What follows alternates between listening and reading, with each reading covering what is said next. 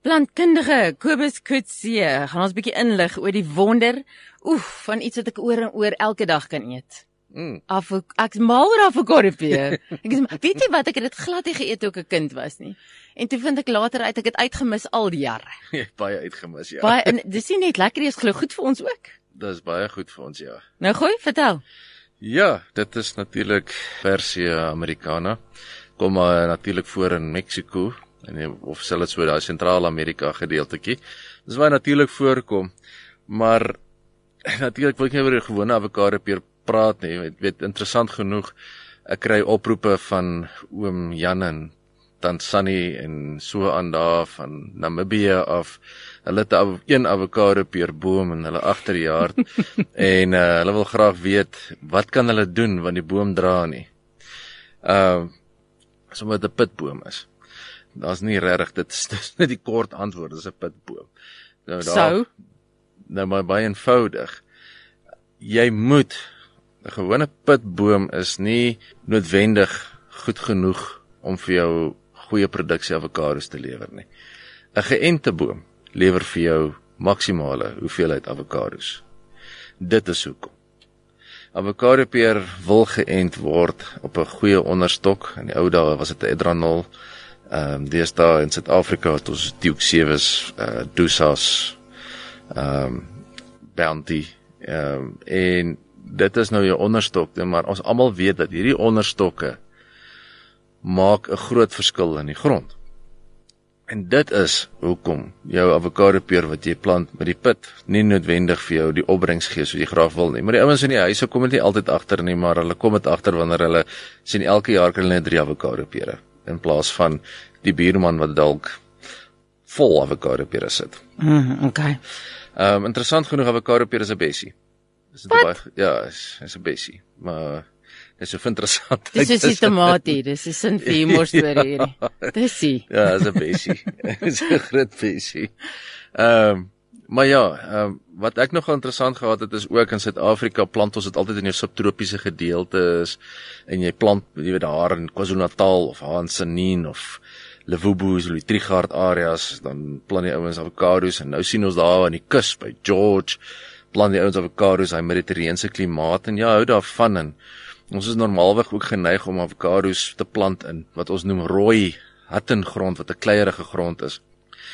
Kom ons in Namibië, daar plant hulle dit sommer in turfgronde. Suiwer turfgronde wat hoogs vir ons Suid-Afrikaner en jou normale avokado peer uh kenners sal sê jy te my hierdie grond is nie die regte tipe grond nie. En dit groei goed. En jy het so gedink voordat jy so intoe gegaan het dat dit nie die regte tipe grond is nie en hulle verbaas jou oor. Nee, ja, ek het nog nog nogal so 'n bietjie meer 'n oop kop. Uh as 'n normale persoon, so want ek kan by myself dink, dit is nie noodwendig die optimale grond nie, maar hy behoort te werk. Maar wat ek wat my getref het was die mense wat turfgronde geplant het, het toe natuurlik hulle bome versuip. Heeltemal te veel water neergesit so hulle versuip hier. So Evo wil nie baie water hê nie. Nee, hy wil, maar hy wil ook nie. O. Uh, is dit 'n vrou mens? Ons weet nie wat ons wil hê in die lewe nie. jy wil redelik water neersit, maar nie hoeveel hulle wat hulle daar neersit nie en dan neem jy die grond in ag nie. En toe die miraculous ding wat met my gebeur het, ek kom by 'n ou wat die avokados pere in woestynsand geplant het. Rooi woestynsand. Sulke hoopies. En hy hoor dat almal sê ons gee te veel water en toe in plaas van om se bome te versuip. Verdroog hulle. Heeltemal. Maar hy kom toe agter en hy begin toe bietjie meer en meer en meer water gee soos wat die boom dit wil hê. En daar staan die boom. Ek het fisies gaan grou op die hoope wat hy nou gegooi het dat die die grond aan die buitekant is vuurwarm. Jy kan nie daarin vat nie die sand En dan soos jy jou hand indruk dan koel die sand nou af en daar binne is die worteltjies en die boom is baie gelukkig. Ja, want dit is warm ook nog, warm ja, en nat. Maar toe besef ons net een ding is jy kan een van twee dinge wees. Daar's een van twee boere. Of jy gee te min water of jy gee te veel water. En albei is nie 'n goeie ding nie. Hmm. En iets wat die avokado peerbome geleer het is jy moet altyd gaan kyk om die regte hoeveelheid water neer te sit. En ons dink nie altyd daaraan nie. En dit is vir my 'n ongelooflike goeie geestelike beginsel. beginsel. Is jy kan versuip word, maar jy kan ook verdroog word. en jy moet besluit waar jy lê in jou lewe. Versyp hoe? Bedoel jy nou met woord, met kerk, met bid, met waarvan praat jy nou? Nie met te veel water. Wat is water? Water is lewe. Mhm. Mm en ek dink jy kan tot 'n mate versyp word in die kerk ook. Dis waar. En jy jy jy, jy, jy gaan net dood want jy kry net te veel. Soos die dominee se kind wat wegdraai van die Here vir al daai jare want hy was net plain versyp. Ja, en jy kan ook weer te min kry en dan verdroog jy. Maar dit is om die die goeie boer weet hoeveel water moet neergesit word vir sy avokado peer.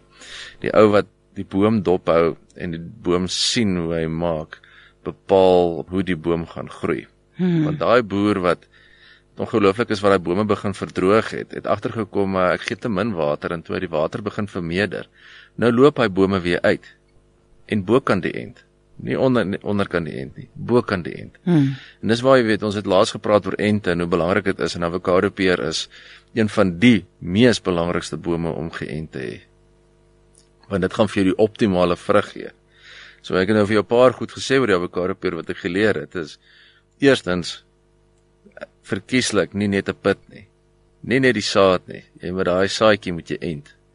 En dan jy nie altyd die idee wat jy kry nie. So is 'n goeie idee om te weet wat se saad of wat se om om 'n uh, um, hoe kan ek sê 'n uh, 'n takkie te neem van 'n boom wat jy ken.